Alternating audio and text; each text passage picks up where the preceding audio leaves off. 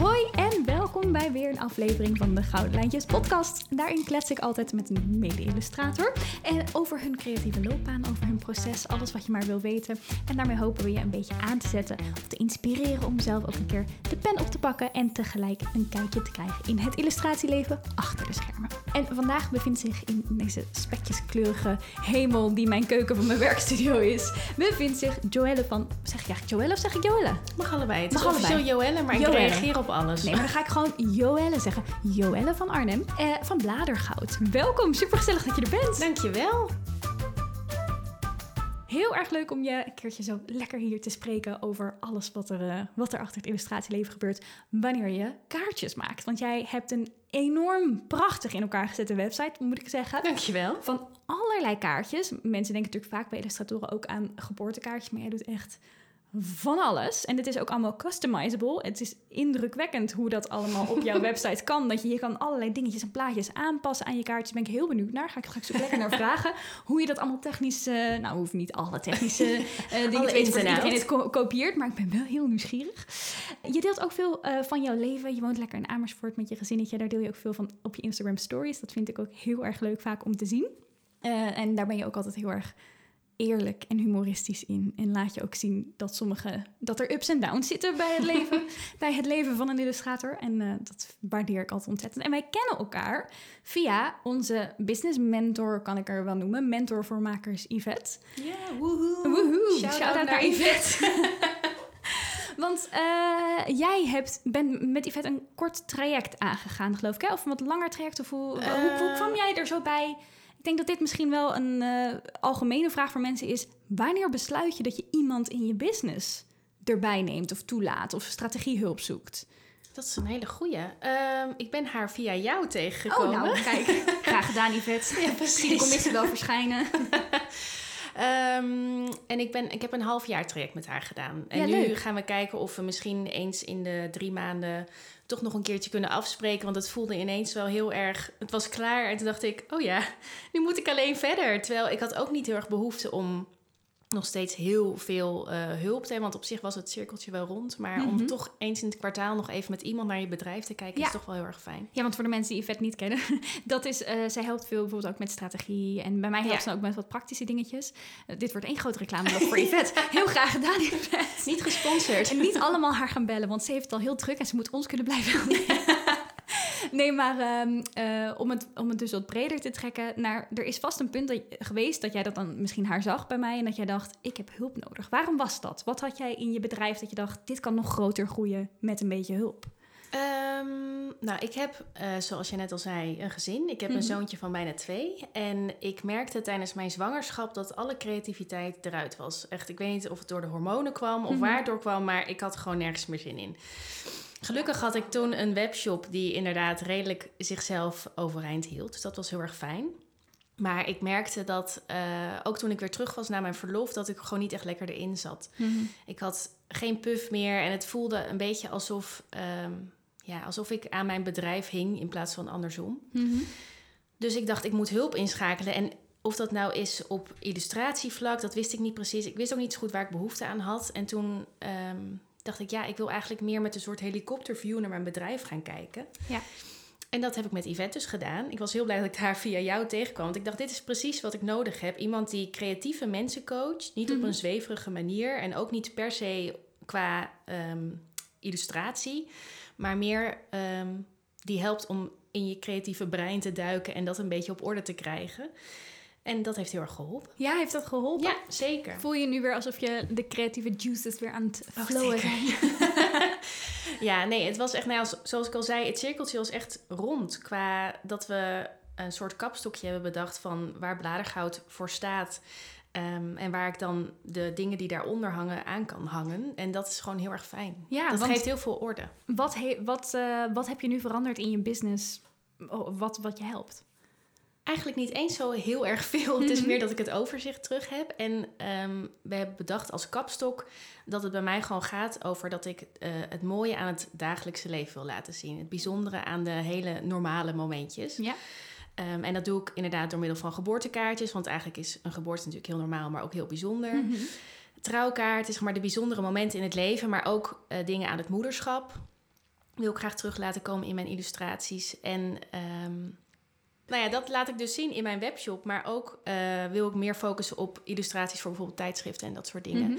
Doe je dat ook veel daarnaast? Uh, opdrachten, Nog niet, nee. Want ik was dus, ook omdat ik van fulltime naar parttime ben gegaan sinds ik moeder ben, Ja. eh, was dat ook heel erg zoeken. Dus Mhm. hebben we nu bedacht hoe ik dat kan gaan toepassen in de beperkte tijd die ik heb. Ja, wat is parttime voor jou? Drie dagen. Drie dagen. Ja. Oh ja. Ik, ik zit daar zelf ook af en toe mee dat ik denk, oh, ik zou best wel wat minder willen werken dan Ja. fulltime plus. Eh, maar dat lijkt me inderdaad zo moeilijk, want je loopt waarschijnlijk over van die ideeën. Ja, dat is heel lastig. Ja. Ja. merk ik nog steeds hoor. Zelfs na twee jaar plus zwangerschap Ja. merk ik dat ik dat nog steeds best wel zoeken vind. Ja, hoe ik eh, eh, al die ideeën, zonder dat ik opgefokt raak en denk, "Oh, ik moet zoveel doen en ik moet zoveel bijhouden, dat Ja. ik dat allemaal rustig. Het hoeft ook niet allemaal meteen. Dat is ook Mhm. iets wat ik bij Yvette heb geleerd. Het hoeft niet allemaal meteen. Je mag het de tijd geven en je kunt rustig al die ideeën gaan uitwerken. Ja. Ehm, inderdaad, in de drie dagen die je hebt. Ja. En ik heb tijd genoeg. Dat is ook iets wat zij zei. Het is een soort lofzang voor Yvette. Ja, dit, maar- dit is, ik kan beter deze podcastaflevering opnoemen Reviews over Yvette. Ja. Precies, ja. Nee. Maar Nee, goed, ze zei, je hebt tijd genoeg. Ik heb die webshop gemaakt zodat ik ehm, op de dagen dat ik niet werk... gewoon thuis kan zijn zonder dat ik met werk bezig hoef te zijn. En dat ik dus ook tijd heb op de dagen dat ik wel werk... om tijd te nemen om te tekenen, om mezelf te ontwikkelen... om ehm, mijn portfolio op te bouwen... om uiteindelijk dus tijdschriften aan te schrijven. Want dat is denk ik de volgende stap. Ja, Ehm, om illustraties te maken voor bij artikelen of dat soort dingen. leuk. Ja. En zit je dan te denken aan tijdschriften die heel erg gebaseerd zijn op illustratie, bijvoorbeeld de Flow of zo? Of zou je ook bijvoorbeeld voor het. Algemeen Dagblad ergens een keertje iets... Ja, ik weet niet of ik daar heel erg geschikt voor ben qua Mhm. illustratiestijl. Maar goed, nu schrijf ik meteen al een deurtje dicht. Dus, Ja, ik dus, wou nou ja, zeggen, stel ja. Inderdaad, ja. zij mailen mij, zou ik dat super leuk vinden. Als jullie het is- luisteren. Precies. Maar het is niet het eerste waar ik aan denk. Maar ehm, ja, tijdschriften over het leven bijvoorbeeld. Ehm, oudertijdschriften of iets. Ja.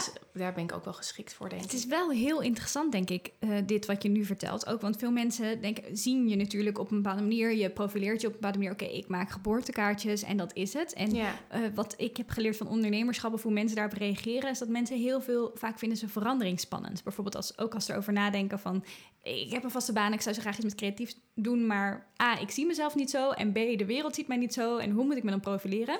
En jij bent gewoon binnen je ondernemerschap dan weer een soort nieuwe tak aan het inslaan. Dus Ja. van een succesvolle webshop die je hebt met, ik we noem het wel het kaartje, maar je verkoopt eigenlijk nog heel veel dingetjes erbij. Als in, weet je, er zit dan ook weer een lint, lint lintjes dingen bij of de envelopjes of dingen, alles of posters. Je kan eigenlijk alles eromheen. Je hebt een heel erg mooie, affe website. Dat loopt al helemaal. En dan opeens denk je, weet je wat? Ik wil gewoon iets ernaast doen, terwijl je eigenlijk nog die beperkte tijd hebt. Ja. Dat getuigt wel van veel ondernemersdrang. Ja, dat is wel grappig dat je dat zegt. Wel, ik zou mezelf niet 1, 2, 3 echt als ondernemer zien. Maar ja, inderdaad wil ik dat wel gaan ondernemen. Ja, dat klopt. Want wat is een ondernemer dan voor jou? Of waarom? Ja, het is eigenlijk, ja, dat zeg ik dan wel over mezelf, maar het komt ook meer omdat ik er zo in ben gerold. Ik heb nooit gedacht, oh, ik wil per se mijn eigen bedrijf, want ik ben eigenlijk niet 1, 2, 3 heel erg een echte ondernemer qua dat ik het heel erg leuk vind inderdaad om nieuwe dingen te gaan doen, Mhm. om groter te groeien. Ik vind het heerlijk om alleen te werken. Ik zou nooit iemand aan willen nemen. Nee. ik vind het echt heel lekker om mijn eigen ding te Mhm. doen. En toch heb je dan iemand soort van met je bedrijf mee laten kijken. Ja, dat dan? wel. Ja, dat klopt. Ja. Maar om echt iemand in dienst te hebben qua... eh, of ik krijg best wel vaak aanvragen van stagiaires. En Oh, dan ja. denk ik, ja, daar moet ik eigenlijk echt niet aan denken. Dat iemand de hele dag bij is mij ook zit. wel iets anders. ja, is ook wel next level. Dat Ja, klopt. Die want- moet je ook opdrachten gaan geven. Ja, die moet je toch, dat voelt toch een beetje als begeleiden, dat je daar zelf aan moet doen. En zoals ik mijn team dan nu heb om me heen, die kunnen heel goed zelfstandig aan de slag. En daar merk ik bijna niet eens dan van. Dat ze aan, alleen Nee, dat er dat af en toe iets zo. Terugkomt van, hey, dit is af. Dan denk ik, oh, oh fijn. of hey, kun je dit eventjes voor me aanleveren? ja. Maar je, om even terug te komen over je start, want je zei net, eh, ja, het- ik ben er een beetje ingerold. Ik zie mezelf niet echt als ondernemer. Ik vind je al juist het er van buitenaf heel erg zien alsof je geboren ondernemer, overal over nagedacht. Eh, kun je eens uitleggen hoe dat is gegaan? Ik heb eh, styling gestudeerd, allround Mhm. styling. En ik droomde echt als 16-jarig meisje om... eh, ik heb in Amsterdam gestudeerd, om dan hier bij de L... Of toen wat je nog de L-girl. Ik weet niet Mhm. of mensen dat... Mhm. Ja, Ja, L-girl lovers hier. Ja, verraden meteen onze leeftijd. Ja, Dat is het. precies. Lekker millennials. Maar ik droomde echt om daar dan de mode dingen te regelen. En dat was echt, vond ik helemaal geweldig. Dus ik ging ehm, bij die opleiding, dat soort kunstacademie, maar dan met styling. Ging ik aan de slag als jongste van de hele opleiding. En ik kwam er al heel snel achter dat de modewereld keihard is en dat ik dat niet ben.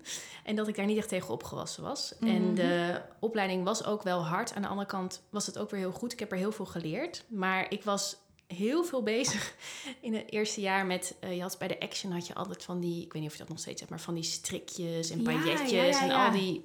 Ja, Ja, ja, ja. Als je daar wel eens langs loopt, dat je inderdaad echt zo'n extra... Ik voel me dan ook wat zo hebberig. Ja, ja. Mhm. nou ja, die had ik allemaal naar binnen gesleept. En ik moest heel veel collages maken. Echt honderden collages heb ik gemaakt op die opleiding. En dat plakte ik altijd helemaal vol met die zooi. Op Ja. een gegeven moment kreeg ik ook terug van... je moet hiermee stoppen, want anders ga je niet halen. Je moet minder glitter. Minder glitters, iets volwassener worden. Dat is op zich goed Oh, geweest. Mhm. Maar toch is dat altijd wel een beetje gebleven... dat ik dacht, ja, ik ben gewoon nog steeds dat meisje... wat houdt van glitters. Je en bent nog steeds de L-girl. Precies, en Mhm. opleuken en gewoon de kleine frutsels en dingen, dat vond ik gewoon nog steeds heel erg leuk. Dus uiteindelijk doe ik nu dus niks meer met styling. Mm. Aan de Of andere kant, glitters. nou, nou ja, op zich bladergoud, verraad het een Mhm. Maar ik heb wel heel veel geleerd daarover kleur en over beelden bij elkaar zoeken. En ehm, nou ja, gewoon het mooi maken aan zich heb ik daar wel heel erg geleerd. En op een gegeven moment leerde ik dus ook bijvoorbeeld Photoshop en Illustrator. Mhm. En dat vond ik helemaal geweldig. Want ik kreeg daar ook tekenlessen met houtskool. En Ja. het realistisch tekenen was echt niet aan mij besteed. Ik vond het afschuwelijk. Mhm. Naaktmodellen, alles heb ik daar eh, moeten tekenen. En dat vond ik echt drie keer niks. Ik kreeg ook slechte cijfers. Mhm. En ehm, op een gegeven moment leerde ik dus Illustrator. En toen dan ging er een wereld voor me open. Ik dacht, wow, digitaal illustreren, dat is echt zalig. Want je kan gewoon op eh Ctrl-Z doen en het is weg. En Ideaal. Ik vond het zo fijn. En toen eh, rolde ik dus in de geboortekaartjes, omdat ik eh, eh, kom uit een groot gezin. Dus, Mhm. En ik ben een nakomertje. Dus mijn broers en zussen kregen kinderen, gingen trouwen. Oh ja. Dus daar heb ik toen kaartjes voor gemaakt. En nou, op een gegeven moment rolde ik daar steeds verder in dat iemand anders weer een kaartje wilde. En ehm, eh, toen ging ik op een gegeven moment eh, ook ansichtkaartjes maken. Had ik een Etsy-shopje, dat liep totaal niet. Maar goed, dat maakt verder niet uit. Daar zijn we allemaal geweest door dat soort fases van de ideeën. Dat je denkt, ja, nee, ja, binder, dat lukt er niet. Nou ja, en zo is dat eigenlijk een beetje begonnen. En toen ik eh, ging afstuderen, heb ik een boek vormgegeven voor tienermeisjes. Eh, en daar heb ik heel veel illustraties voor gemaakt. Dat vond ik echt zo ontzettend leuk. Dat ook- leuk. Ja, was dat dan een, een, een soort van, eh, hoe zeg je dat, mocking, mock-up opdracht? Of was het echt Ja, een boek? Nee, het was, een, het was Oh, inderdaad een mock-up opdracht. Ja, en dan met een fotoshoot erbij, alles erbij. Oh, wat tof. En op een gegeven moment heb ik met die fotograaf dat wel doorgezet naar een echt boek. Dus op een Mhm. gegeven moment is dat ook wel uitgegeven. Ah. Ehm, voor moeders en dochters hebben we er toen van gemaakt. Dat was ook heel erg leuk. Maar toen was ik afgestudeerd en toen dacht ik, ja, wat moet ik nu? Mhm. Want ik dacht, ik wil niet de modewereld in. Ik wil, eh, met styling hoef ik niet per se iets te doen. Maar hoe ga ik dit nu zelf dan doen verder? Ehm, toen heb ik, eh, dacht ik, ja, ik vind trouwen heel erg leuk. Als het met trouwen te maken Doe het elke heeft. dinsdag. Ja, precies. Als het met trouwen te maken heeft, het hele dromerige en alle, nou ja, komt ook natuurlijk heel veel tierenlantijnen bij kijken. Vond ik helemaal geweldig. Dus ik dacht, misschien kan ik combineren. Dus dat ik trouwstyling doe Ja. en de kaarten maak. Dus toen heb ik een tijdje meegelopen met een trouwstylist. Heb ik ook heel veel van geleerd. Maar toen eh, ging ik zelf trouwen. Mhm. Heb ik mijn eigen bruiloft, de styling gedaan. En van vrienden die twee weken daarvoor gingen trouwen. En toen dacht ik, dit is too much geregel voor mij. Het is zoveel georganiseerd. Ja. Dit is echt niks voor mijn chaotische Mhm. hoofd. En zeker als je elk aspect dan ook aanpakt. Ja. En styling en de En stationery. ja. En de, ja. Het Mhm. was echt te veel. Dus, eh, en ik vond, nou ja, ik ben dus echt een ras introvert. En ik vond het heel fijn om in mijn eentje lekker aan mijn bureautje te zitten, nergens heen te hoeven. Mhm. Dus ik dacht, ik ga terugschalen naar de kaarten. Ja. Ehm, ja, en tussendoor heb ik nog allemaal zijsporen gehad. Dat ik dacht, ja, er moet wel brood op de plank komen. Dus toen heb ik nog eh, een tijdje als freelance grafisch vormgever gewerkt bij eh, een ijsjesbedrijf. Was ook heel erg leuk, maar toch ook te grafisch en te veel eh, in iemands anders straatje. Ik wilde gewoon mijn eigen ding doen. Ja. En toen heb ik op een gegeven moment de knoop doorgehakt. Ik dacht, ja, ik moet er toch nu echt er helemaal voor gaan, want Mhm. anders komt het niet van de grond. Mhm. Dus toen heb ik dat gedaan. En toen is Bladergoud, tenminste het bedrijf, mijn bedrijfje toen, mag ik eigenlijk Mhm. niet zeggen, maar dat was toen nog wel zo. Heette eerst Bits and Bobs. Die naam werkte Leuk. totaal niet. Oh, Mijn broers maakten er altijd Buts en Boobs van. Oh Dus, ja, dat, nee. en niemand snapte het. Beter dan bladergoud. Dus toen, Ja. eh, dat bestond een tijdje, en heb ik die Etsy shop en zo onder die naam gedaan. Op een gegeven moment dacht ik, ja, ik moet echt een andere naam gaan doen als ik dit professioneel ga aanpakken. Mhm. Dus toen werd het Bladergoud. En past ook heel mooi bij de trouwkaartjes, de geboortekaartjes. dat Precies, soort dingen. ja, Het ja. is heel En- whimsical. Ja, en bij de dingen die ik eh, belangrijk vind in het leven. Ik hou van de natuur. Ik hou dus van glinsterende dingen. Dus op die manier komt het samen. Ehm, ja, en sindsdien is het gegroeid. Het is enorm gegroeid, of tenminste, het ziet er nu... Want jij zegt wel, ik ben afgeschaald naar alleen de trouwkaartjes. Maar het is nu gewoon een enorme variëteit aan wat je allemaal aanbiedt. En ook al zie je jezelf niet als ondernemer... ik hoor hier toch iemand in die elke keer... Ik wil zeggen pivot, maar dan doe ik altijd, moet ik altijd aan Friends denken. Maar, maar eh, zich omdraait en zich aanpast en flexibel is. En volgens mij is dat de essentie van het ondernemerschap. Ja, dat is eigenlijk wel zo. Ja. Nou, nu je het zegt. Nou, Toch een soort coaching toch openbaring, toch, ook- toch coaching. Kom allemaal naar mij in plaats van Ja, Yvette. Nee, doe het niet. Nee. En nu is het dus misschien weer tijd voor een, voor een nieuwe fase dan. Van, dat je Ja. van de webshop naar de illustraties. Maar dat ga je dan lekker naast elkaar doen. Ja, En eh, eh, blijf je dat wel allemaal digitaal doen? Want je zei, dat vind ik echt fantastisch om lekker digitaal te tekenen. ja. Ja. Dat is ook iets wat ik bij Yvette heb geleerd. Ja. Ehm, ik dacht altijd dat een echte illustrator tussen aanhalingstekens iemand was die alleen maar met kwasten in de weer was en met aquarel. En dat heb ik ook tijden geprobeerd, maar Mhm. het was gewoon echt niks voor mij. Ik ben zo rommelig en het idee van een wit canvas maakt mij echt heel gestrest. En dat Mhm. ik dan dacht, maar nu moet ik het meteen goed doen, want anders dan moet ik weer opnieuw beginnen. En ik ben ook heel ongeduldig, dus dat Mhm. werkt ook niet. Dus het idee dat je dan drie keer hetzelfde illustratie gaat maken en weer opnieuw begint omdat het niet lukt, dat is echt niet aan mij besteed. een lijntje verkeerd staat. Dus dat idee had ik echt heel lang in mijn hoofd. En nog steeds heb ik dat soms wel Mhm. een beetje. Ehm, maar toen heb ik met Yvette dus eh, gezegd... oké, ik ga elke week een date doen met mezelf. Een knutseldate. En dan ga ik andere creatieve dingen proberen. En het voelde zo ontzettend onwennig. En dat was aan de ene kant heel erg goed. Dus dat ik heel erg uit mijn comfortzone ging. Maar op een gegeven moment verlangde ik zo terug naar mijn iPad. En Mhm. eh, kreeg ik juist heel veel inspiratie om daarmee aan de slag te gaan. Dat eigenlijk hetgene wat ik helemaal niet leuk vond, heeft gezorgd dat ik mijn iPad alleen nog maar meer leuk vond. Ja. En dat ik daar ook meer over wilde leren. En op zich is het een heel makkelijk eh, programma om te leren. Maar goed, toen ben ik Want je jou... tekent nu vooral in Procreate. Ja, dus bij jou ben ik ook die cursus eh Ja, je volgt mijn Procreate cursus. Ja. Zo leuk. Ja, Heel vind ik leuk. fantastisch. En ik ken het natuurlijk al best wel een paar jaar Procreate, maar het is, je kan er nog steeds zoveel uithalen. Ja, Dus dat is echt. ja. Ik, ik ben er toen ook voor, die, voor de mensen die het niet weten, ik geef dus een cursus in tekenen in Procreate. Dus kan je van alles mee doen. Het is echt ideaal. En het is net zo makkelijk als dat je op papier tekent. Ja, Of andersom, als je niet graag op Ja. papier tekent, is het makkelijker. ja. Eh, en ik ben er toen zo ingedoken. En nou, ik kan wel zeggen dat ik nu elke functie ken.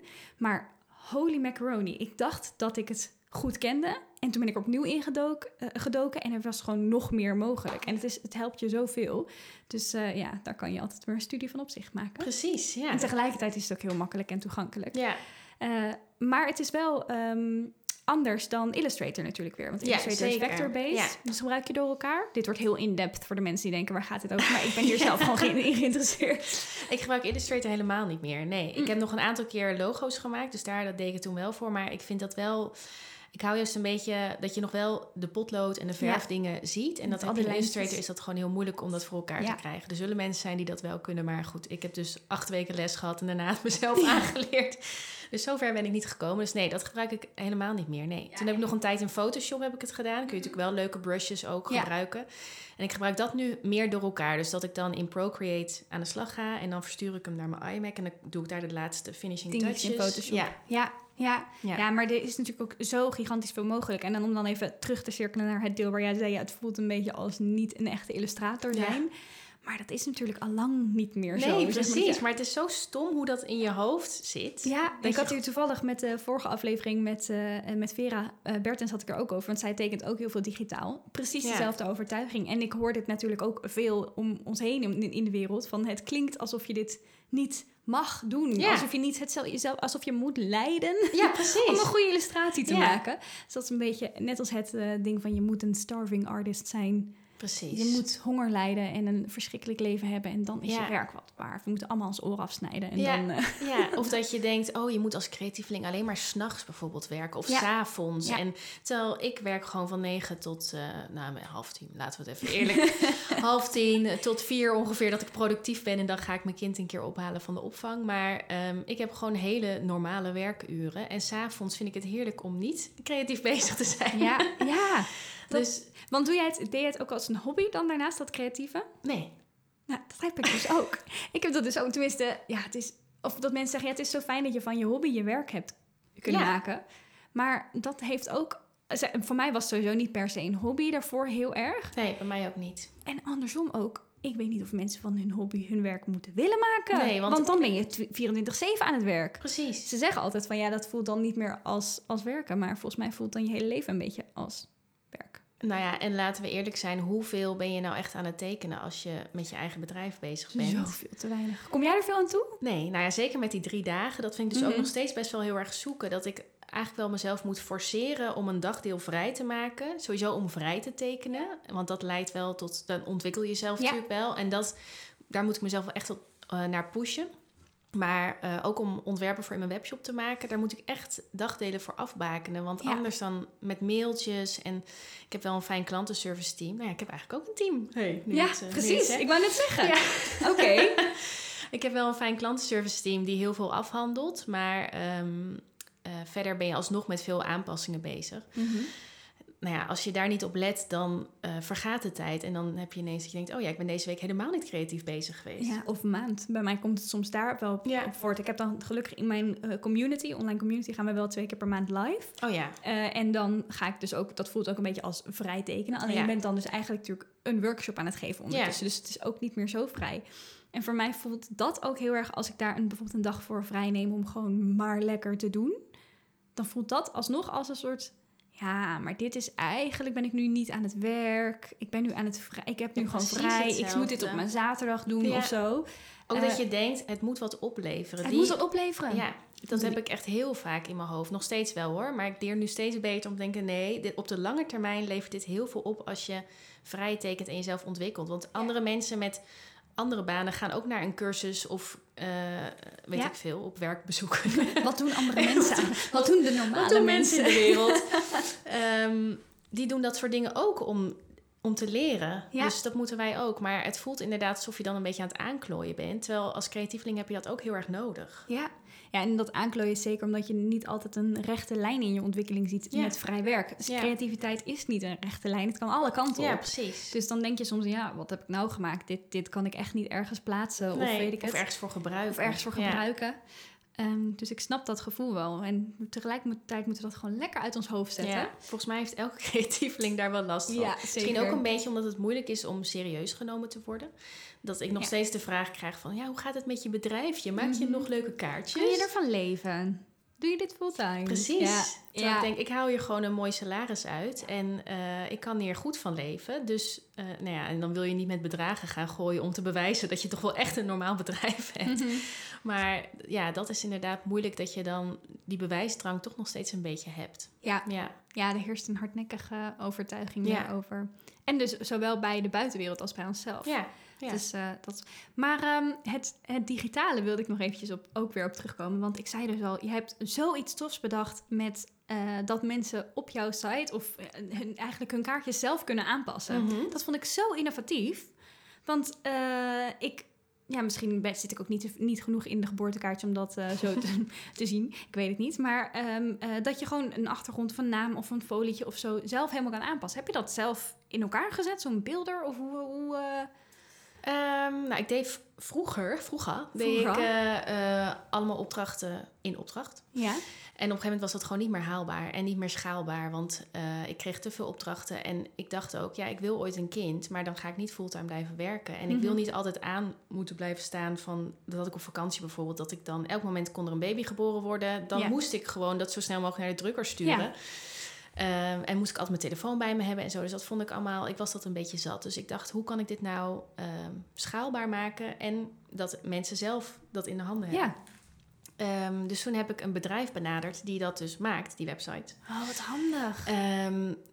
En die hebben dat eigenlijk voor mij in elkaar gezet. Dus ik hang eigenlijk mijn, ik ben een soort white label voor hun. Ja. Of, ja, zij hebben meerdere webshops die het op deze manier doen. En zij regelen verder ook de drukkerij en al die dingen. Dus dat is echt heerlijk. Dat is En echt dit zegt dat ze geen ondernemer wil is. En dat ze geen team in dienst wil. En dat ze niet... En ondertussen heb je gewoon eh, allemaal mensen die jou helpen. Heb je het over schalen en over passief inkomen. Nou, tenminste, die, die woorden gebruik ik niet, maar het passief inkomen. Ja. Het is fijn dat het gewoon draait. Gewoon ondernemer per oké. zang. Je hebt ja? gelijk, je ja? hebt gelijk. Ben ik, heb ik je Ik overtuigd? stap hier zo de deur uit als ondernemer. Ja, je hebt Gelukkig. helemaal gelijk. Gelukkig. Deze podcast is een transformatie. Eh, maar dat, eh, dat schaalbare, eh, als we het dan net hebben over de overtuigingen die er rondom creativiteit zitten. Eh, en schaalbaar in ondernemerschap, dat is ook nog iets van je mag er bijvoorbeeld geen geld mee verdienen. Of, Ja. of, of het is, of als je er commercieel over nadenkt of het schaalbaar, dan wordt het zogenaamd minder waard. Ja, Terwijl dat, dat is eigenlijk niet zo. En dat, sterker nog, je kunt alleen maar meer mensen mee, blij, mee maken. ja. Dus jij denkt ook wel veel na over de schaalbaarheid van je bedrijf. Ja, maar ook omdat ik dus zo beperkte tijd heb. Mhm. Dus ehm, ik dacht, ja, ik moet dat op de een of andere manier wel Ja. zo doen. Want anders dan kan ik niet echt groeien. Mhm. En je hoeft natuurlijk ook niet per se altijd te blijven groeien. Ik bedoel, ehm, ik heb nu ook zoiets van... oké, ik behaal dit bedrag per maand en dat vind ik gewoon oké. En eh, ik wil wel een minimaal salaris eruit halen... en alles wat erboven zit is gewoon heel erg leuk. En dat is fijn dat het erbij komt. Ja. Ehm, maar goed, het is inderdaad wel heel erg leuk dat je eh, op bepaalde manieren kunt denken... hoe kan ik meer mensen bereiken met mijn illustraties? En hoe kunnen mensen dat zelf op hun eigen manier dan bewerken... en daarmee aan de slag gaan? Ja, inderdaad, het schaalbare is gewoon voor mij wel een, een hele fijne... dat het op deze manier mogelijk is. Ja. Ja, ja, de droom van elke ondernemer of überhaupt persoon dat er gewoon Ja. passief inkomen binnenkomt. Dat, eh, dat is heerlijk. Nou ja, en hoe, hoe ehm, eh, zie je dat schaalbare straks voor je met bijvoorbeeld eh, de illustratie voor de ehm, tijdschriften, magazines, waar je... Ja, dat is een hele goeie. Want dat is denk ik niet echt mogelijk. Denk ik nu, weet ik niet hoor. Maar daar gaat natuurlijk wel veel meer tijd in zitten. Dus, ehm, en ik heb ook niet het idee van... daar moet ik echt mijn hoofdsalaris uithalen. Mhm. Ik heb meer dat ik denk, die webshop is ondersteunend voor ehm, mijn salaris. En dat ik ook een beetje in de gaten kan houden... van wat vinden mensen leuk. En Ja. ehm, op die manier mijn illustraties kan gebruiken. En eh, voor echt in de opdracht is meer denk ik om mezelf te ontwikkelen en mezelf te dwingen om uit de comfortzone te komen. En eh, om daar ook wat expressiever misschien aan de slag te gaan. Want bij geboortekaartjes, ehm, ja, je maakt iets kinderlijkere tekeningen natuurlijk. Mhm. En bij trouwkaarten is het ook wat klassieker. En daarbij merk je wel dat mensen... ehm, ja, de trends lopen wel wat achter, zeg maar. Qua, nu denk ik, oh, ik vind deze kleuren leuk, ik vind dit leuk. En dan merk je dat over een jaar bijvoorbeeld eh, gaan mensen dat kiezen. Dus daar moet je dan eens op een andere manier over nadenken dan eh, met illustraties in de opdracht. Maar qua schaalbaarheid, om even terug te komen op je vraag.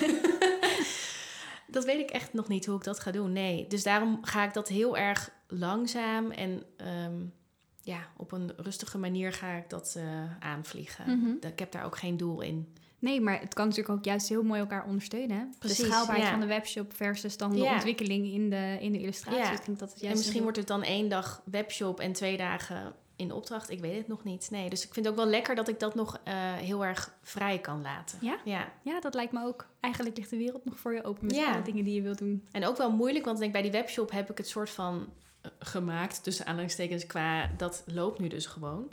En bij ja, mijn portfolio verder ben ik nog heel erg aan het opbouwen. Sta ik echt nog in de eh beginnerschoenen, of hoe zeg je dat, kinderschoenen. ja. Dus eh, dat is ook wel heel erg wennen dat ik denk, oh ja, ik moet, ik moet ook mezelf daar de rust in gunnen dat het niet meteen perfect hoeft te zijn. En Ja. dat het gewoon mag groeien en dat daar ook geen druk achter zit. Mhm. Is dat iets wat je over de afgelopen jaren dan een beetje hebt geleerd? Of dat, dat je vaker je daar in jezelf tegenkomt? Ja, want ik, wil, ik heb dus heel weinig geduld. Dus ik, ik wil Ja, het meteen goed doen. Ja. Ik wil het meteen goed doen. Ik wil meteen dus dat het resultaat oplevert. Dus als Mhm. ik dan dingen post op Pinterest van vrij werk of zo, denk ik...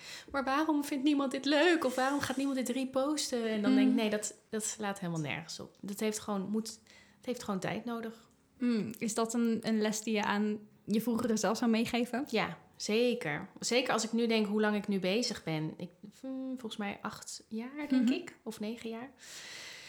Denk ik, eh, eh, vroeger had ik dit nooit gedacht dat dit nu zo zou lopen. En het heeft dus wel negen jaar de tijd gehad. Of tenminste, in 2019 begon ik met mijn webshop. Maar het heeft dus best wel lang de tijd gehad. eh, ook heel lang zonder opdrachten. Gewoon wat aanklooien. En dat vond ik echt een roltijd. Omdat je dus niet meteen resultaat ziet. Mhm. En dat vond ik wel moeilijk als creatieveling. Van, maar je hebt ook een soort van bevestiging nodig. Zeker Ja. als je alleen werkt. En zeker in de tijd van social media, dat je Precies. zoveel bevestiging om je heen ziet bij Ja, anderen. ja. En dan, ja. Ja, dus eh, ik zou inderdaad wel willen zeggen tegen mijn vroegere zelf: heb geduld, want het komt echt goed. Ja, en blijf gewoon doorgaan. Blijf doorgaan, blijf experimenteren misschien. Zeker, ja. Wat zou jij als eh, de belangrijkste fase zien van dat ondernemen? Oeh, dat is wel een hele goeie. Ehm, ja, ik weet het eigenlijk niet zo goed. Alle facetten die heb ik wel nodig gehad en om te komen tot waar ik nu ben. Van het aanklooien in mijn eentje aan het begin tot uh, met verf en dat soort dingen. Mhm. Uh, terwijl nu heb ik daar dus geen zin meer in om dat te doen. Maar dat heb ik wel nodig gehad om te komen tot waar ik nu ben. Dus ik denk gewoon ook heel veel proberen. Ja. Van alles proberen, of je het nou leuk vindt of niet. En als je het niet leuk vindt, is dat ook oké. En dan weet je dus dat je dat kan Zoals jij hebt gedaan met je ja. creatieve dates. Ja. ja. ja, precies. Ja, dat is ideaal. Ja. En zijn er nog eh, dingen die je heel anders had gedaan? Of een, of een moment waarbij je dacht, oh nee, dit, dit had ik ook echt graag willen weten. Als ik, eh, of dit zou ik anders hebben gedaan. Of dit, Oeh. ehm, of dit was een gênant moment. Ik hou altijd van juicy, gênante momenten. maar je lijkt mij ook wel een georganiseerd persoon. Misschien heb jij gewoon helemaal geen gênante momenten. nou, echt extreem gênant weet ik niet zo goed. Of extreem gênant. Ehm, wat ik wel heb geleerd is dat je altijd bij grote beslissingen even een nachtje moet slapen daarover. Ehm, zo, ik heb dyscalculie, dus dat betekent dat Ja. ik totaal niet kan rekenen en ook heel weinig overzicht heb. Dus daarom ben ik, lijk ik zo georganiseerd, want anders wordt het echt een chaos. Ah, dat is het. En eh, als het dus ging over onderhandelingen qua dat bijvoorbeeld bedrijf mijn kaartjes vroeger, toen ik dat nog zelf allemaal verstuurde en zo, mijn aanzichtkaartjes wilde inkopen, dan was ik gewoon zo enthousiast dat ik meteen ja zei. Terwijl dan dacht ik later, eh, of had ik met mijn man daarover, die soort van het financiële brein achter mijn bedrijf is, anders Ja. lag ik al lang in de goot. maar die eh, zei dan, je had eerst naar mij toe moeten komen, dat we het even konden overleggen. Zeg nooit meteen ja. Dus dat is iets wat ik heb geleerd. Zeg nooit meteen ja. Ga altijd even naar huis om erover na te denken. Ook Mhm. misschien is het wel een opdracht waarvan je later denkt: oh shit, ik wil dit helemaal niet. Of Mhm. ik werd daar een beetje in overruled en eh, ik had daar niet meteen ja op moeten zeggen. Dus dat heb ik wel geleerd. Want daardoor heb ik wel echt eh, voor veel te weinig geld dingen verkocht. Mm. Dus niet echt heel juicy en gênant, maar wel eh, dat ik dacht, ja, dat was, waren gewoon domme dingen die ik toen heb gedaan. Ja, of dom, of gewoon iets wat je nog moest leren. Ja, en precies, zeker een belangrijke les. En wat is voor jou dan de afweging wanneer je wel eh, ja zegt tegen een eh, eh, op- opdracht of juist nee? Nou, nu moet ik het gewoon echt heel erg leuk vinden. Mhm. Maar dat komt ook omdat ik nu de vrijheid heb, financieel gezien, om dat te doen. En natuurlijk heb je, ik bedoel, ik heb ook bijvoorbeeld illustraties gemaakt voor plasmatten voor honden. en ik denk, ja, dat ga ik, zou ik nu gewoon niet meer doen. En dat Mhm. was toen ook oké, want ik kreeg er dus wel ehm, wat geld uit. Ja, Dus dat moet je natuurlijk ook gewoon hebben. Ja, heel veel creatievelingen zeggen dan, ja, je moet niet jezelf verkopen. Om, maar ja, even realistisch gezien, je moet ook gewoon wel geld binnenhalen. je moet brood op de plank hebben. We Precies, hebben allemaal wel eens ja. plasmat, de, de, het equivalent van een plasmat eh, precies. gemaakt. De plasmat, ja. Ehm, dus nu heb ik de luxe om dan ja en nee te kunnen zeggen. Dus ik denk dat ik nu gewoon het heel erg leuk moet vinden en er een goed gevoel bij moet hebben. Ja, ik ben ook wel een beetje zweverig gevoelsmens. Dus als ik Hou er een fijn gevoel bij krijg, dan is het ja. En als ik buikpijn krijg en denk... Tenminste, een beetje buikpijn is ook wel goed om soms even doorheen te gaan. Mhm. Ik vond dit ook spannend om naar deze podcast te komen. En dat vind ik nu ook hartstikke leuk. Dus soms heb je ook een beetje buikpijn nodig. Maar als het echt... eh, als je echt denkt, nee, dit past gewoon niet... en ik ga er ook geen plezier aan beleven, dan is het nee. Ja, Heel verstandig. Ja. Gewoon af en toe durven nee te zeggen. Ja. Nou, dat lijkt me ook een mooie om weer mee af te sluiten. En we gaan dan straks aan de slag om te tekenen. Dat doe ik altijd aan het eind van de podcast. Ga ik lekker met mijn gast nog eventjes nakletsen en een stukje tekenen. Als je het leuk vindt om daarin mee te kijken, dan kan dat via de Gouden Lijntjes Community. En ik vraag altijd of mijn gast iets mee wil nemen wat iets betekent voor hun bedrijf. Of wat voor hun creatief proces staat. Of dat soort dingen. En jij hebt me toch iets leuks meegenomen. Hier staat, denk ik wel, de verwezenlijking van bladergoud. Ja. Kun je eens omschrijven kort wat het is? Het is een eh kaarsenhoudertje met gouden blaadjes. Nou, Dus, eh, kijk. Het is... Beter kan bijna Zo niet. is het, ja. En ehm, nou ja, zoals ik al zei, de natuur is voor mij een hele grote inspiratiebron. En ik ben echt de grootste knusmus die er is. dus ik hou echt van kaarsen, elke dag. Ook Mhm. in de zomer en in de winter vind ik heerlijk. En dat is voor mij dus ook dat ik denk, oh ja, je maakt even een fijn momentje van iets heel normaals. Dus dan steek je een kaarsje aan en meteen heeft het een soort van eh, knus, eh, fijn, gezellig gevoel. Ehm, dus daarom heb ik deze meegenomen. Klinkt fantastisch en meteen een mooie inspiratie om te tekenen. Eh, ben je nou ook geïnspireerd om te tekenen en ben je misschien ondertussen lekker tijdens het luisteren van deze podcast aan het tekenen geweest eh, en je wilt posten online? gebruik dan zeker ook even de hashtag Goudlijntjes podcast, want dan kunnen wij dat ook zien. Dat is leuk, dan vinden we gezellig om te kijken wie er meekijkt. Ehm, alle informatie vind je in de show notes, dus alle informatie over jo Joelle waar je kan vinden, maar uh, het Bladergoud is sowieso op Instagram natuurlijk. En dat is ook je website, dus dan hebben we eigenlijk meteen alles. Maar hey, als je toch nog in de show notes wil kijken, dan kan dat. Daar vind je wel bijvoorbeeld ook de link uh, naar waar je de video van deze podcast kunt zien waar we gaan tekenen. Is dat handig om even te kijken. Um, het helpt ook als je abonneert op de podcast. Dan ben je sowieso op de hoogte van nieuwe afleveringen. En uh, is gewoon fijn voor mij. Hey. Zo is het. ik vond het ontzettend gezellig om weer uh, om met jou even te kletsen. En ik kijk er naar uit om straks nog even verder te kletsen. Het is altijd zo heerlijk dat ik dan niet hoef af te sluiten, ja. dat gesprek. maar dankjewel uh, dat je er was voor bij de podcast. Ja, jij ook bedankt. Ik vond het echt heel leuk. Nou, gelukkig. Lekker aan de slag. Ja.